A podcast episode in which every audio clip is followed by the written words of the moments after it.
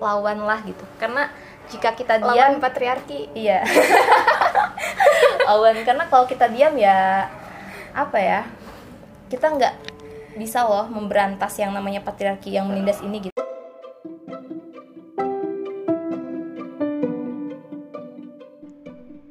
Halo, Assalamualaikum warahmatullahi wabarakatuh. Selamat datang di podcast Orang Lain. Di episode kedua kali ini Bertepatan dengan International Women Day Atau Hari Perempuan Sedunia Yang berlangsung pada 8 Maret 2019 lalu Ade berkesempatan berbincang dengan orang lain Siapa orang lain itu?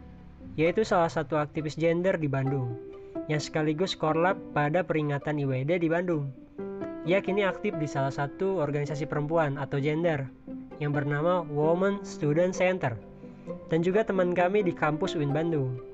Gak usah nunggu lama lagi, mari kita dengarkan perbincangan mereka. Selamat menikmati.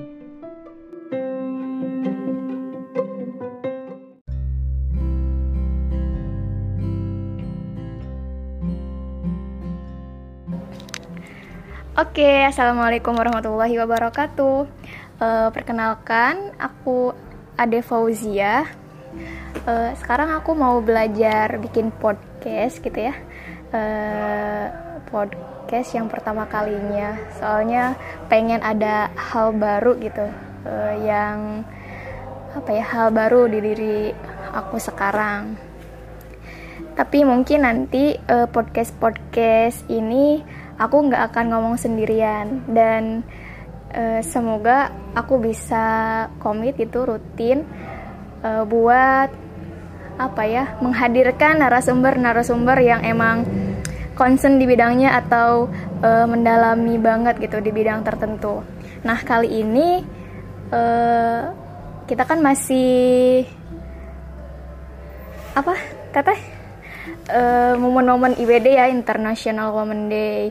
Nah sekarang aku lagi sama Korlap IWD 2019 di Bandung. Uh, namanya boleh disebutin? Oke, nama saya Vini. Vini, Teh Vini. But, sekarang mumpung masih hangat-hangat IWD, aku pengen ngobrolin gitu ya. Mungkin Teteh bisa memberikan suatu pencerahan gitu atau ya sharing-sharing lah soal isu keperempuanan nan isu perempuan Nah, yang aku pengen uh, bahas di sini mengenai uh, pelecehan yang terjadi baik yang dialami oleh perempuan atau laki-laki baik itu di ruang publik atau di ya di ruang private atau di tempat kerja atau di lingkungan pendidikan. Kenapa sih bisa terjadi gitu? Karena sekarang-sekarang ini banyak banget eh, berita-berita uh, yang aku dengar uh, mengenai pelecehan seksual gitu. Itu apa yang menyebabkan pelecehan itu terjadi gitu? Nah, kalau kita uh, lihat gitu ya, kenapa sih bisa ada pelecehan gitu? Nah, pelecehan sendiri kan sebenarnya kita ada perbedaan antara atau sip yang membedakan antara subjek dengan objek gitu, di mana sang subjek ini menjadikan objek menjadikan objek siapa kenapa? Nggak apa-apa lanjut aja. Ini sekalian behind the scan juga. Oh iya behind the scan itu tadi aku mau kalau kayak gitu atau gimana? Oh ya udah ini nggak ada gitu ya nggak. kawan nggak ada. Gimana gimana kalau kayak ini soalnya oh, iya. gimana? Oh, iya. ya udah berarti kita kayak gimana sih gimana sih? Gimana uh, kenapa oh, gitu bisa terjadi? bisa. kenapa sih? Apalagi kemarin-kemarin di kampus kita kan uh, mahasiswa juga kena apa menjadi korban pelecehan oleh dosen gitu. Dan mungkin di tempat-tempat umum juga kayak di jalan raya atau di mana itu kayak sering banget terjadi gitu.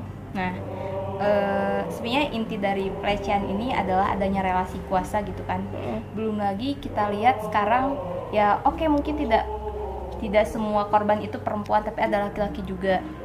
Nah tapi data menunjukkan juga bahwa perempuan lebih banyak mm.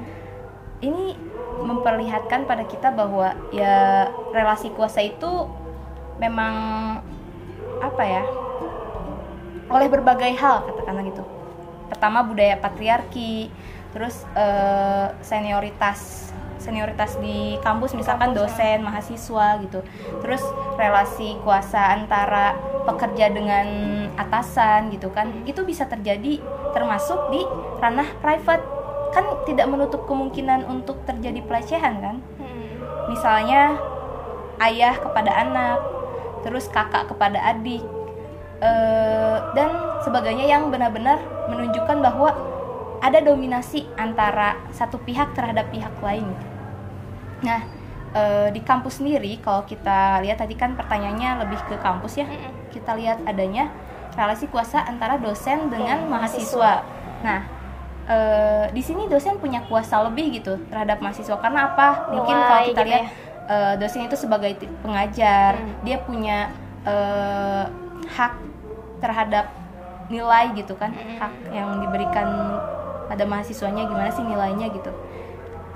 Jadi terus kita juga lihat ya budaya senioritas yang sangat eh, kental. kental sekali gitu di kampus kita ini. Sehingga dosen antara tuh- apa tuh? Antara dosen kakak dengan atau ya kakak kelas ya? termasuk bisa jadi gitu. Soalnya banyak juga kan yang kasus dengan kakak tingkatnya gitu. Hmm. nah eh, apalagi dosen gitu. Dosen kan merasa ingin dipuja gitu biasanya lebih tinggi derajatnya daripada mahasiswanya sendiri gitu.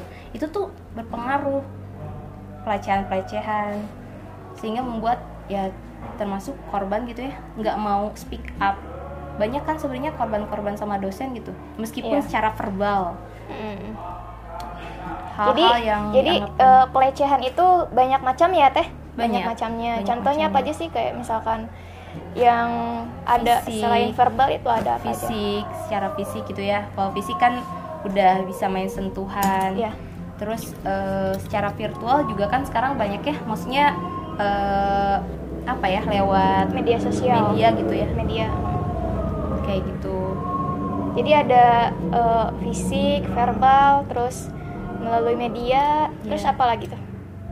Eh, paling kalau fisik kan ada yang sentuhan serangan kayak Mm. kayak gitu sih maksudnya lebih ke ada macam-macamnya lagi gitu terus kan banyak dari teman-teman kita ya eh, nggak mau oh gitu iya tatapan satu lagi Tatapan. soalnya kan tatapan, tatapan dengan penuh ya menggoda gitu ya? tatapan kan mengintimidasi sebenarnya ya Oh. tatapan tuh ya risih juga sih Iya. kalau misalkan diliatin dari atas sampai bawah gitu nah gimana sih caranya biar kita tuh bisa berani gitu nah sebenarnya eh, kalau sekarang-sekarang kan udah banyak juga penunjangnya gitu jadi Mm-mm. bisa memungkinan untuk ya banyak yang melapor penunjangnya tuh salah satunya apa misalkan Misal? ada eh, bilik-bilik pengaduan Oh, oke. boro-boro bilik pengaduan yang ada di kampus gitu di sosial media secara umum juga kan ada gitu bilik pengaduan seperti lawan patriarki kalau aku lihat ya Oh. banyak yang curhat gitu kan itu udah mereka Termasuk udah ke bilik pengaduan iya ya? mulai berani gitu eh, mengemukakan apa yang menjadi masalah bagi dia gitu kan. Dia sebagai korban. Nah, permasalahannya adalah kenapa sih mungkin tadi Teteh sendiri eh, baru speak up sekarang-sekarang gitu. Kita bisa lihat kenapa itu bisa terjadi karena pertama tidak ada wadah yang eh, menau apa ya menaungi atau mengakomodir kasus Teteh ini gitu. Dan eh, kebanyakan dari kita karena budaya yang patriar patriarkal ini ya menyalahkan korban gitu oh iya ketika kita Kayak jadi korban gitu ini justru malah victim blaming gitu kan. Sehingga ya kita takut gitu untuk mengadu. Kita harus mengadu sama siapa nih? Toh kita sendiri disalahkan gitu di muka umum. Hmm. di masyarakat umum kita disalahkan. Kok malah perempuannya yang salah dan sebagainya gitu.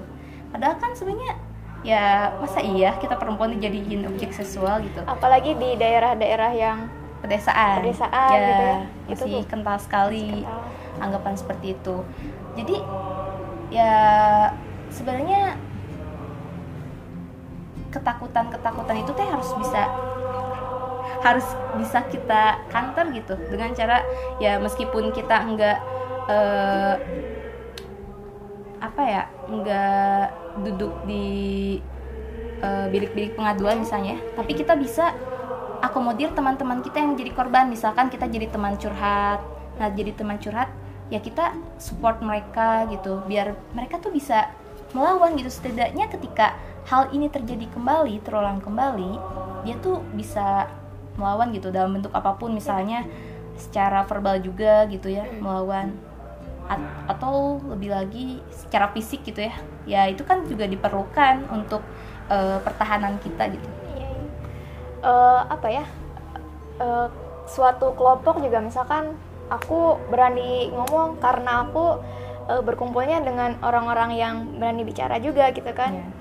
nah nggak hanya di pedesaan gitu maksudnya orang-orang itu eh, ya diam gitu ya. Dan orang-orang di pendidikan pun kayak misalkan yang udah dia kuliah pendidikan tinggi masih banyak gitu yang yang emang nggak berani buat ngomong. Apakah karena emang lingkungan mereka yang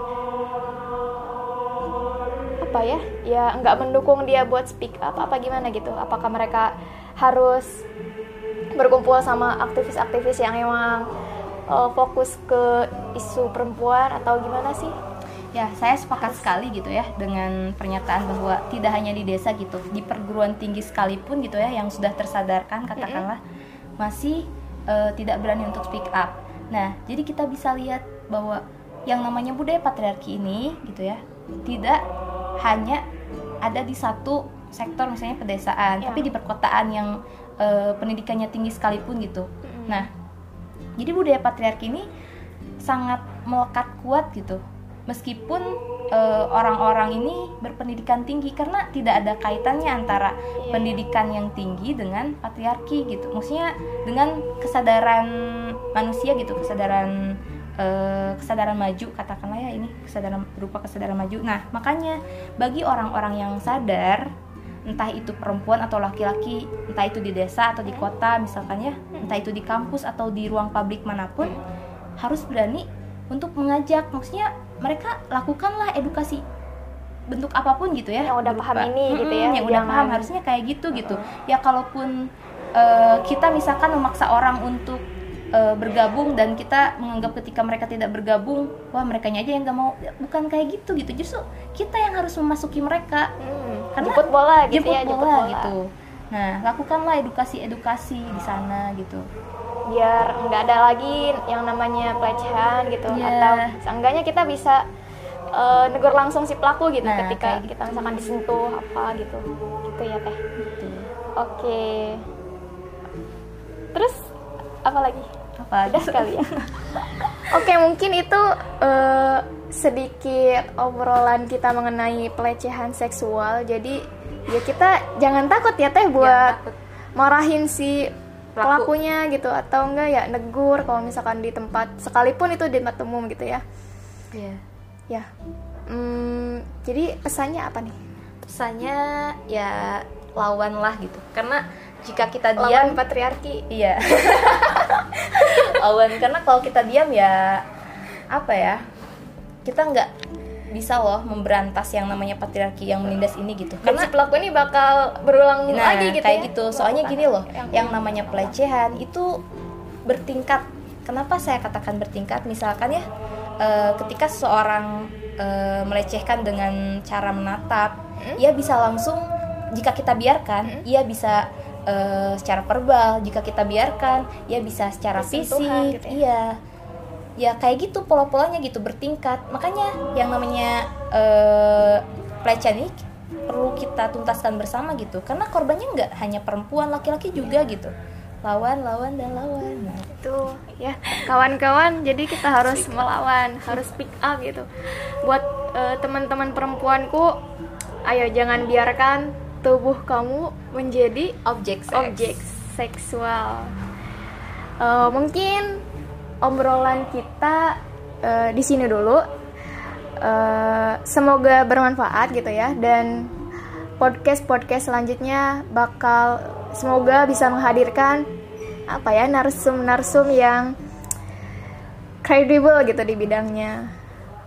Di sini ada Teh Vini dia concern di Women Study Center WSC Win Bandung juga aktivis pembebasan juga gila keren banget keren banget enggak aktivis oke terima kasih teman-teman apa ya salamnya Salam dah. pembebasan salam perempuan. pembebasan perempuan lawan patriarki Iya. jangan diam Jawan, lawan kapri- kapitalisme Oh, juga lawan kapitalisme, jangan diam. Lawan. Lawan.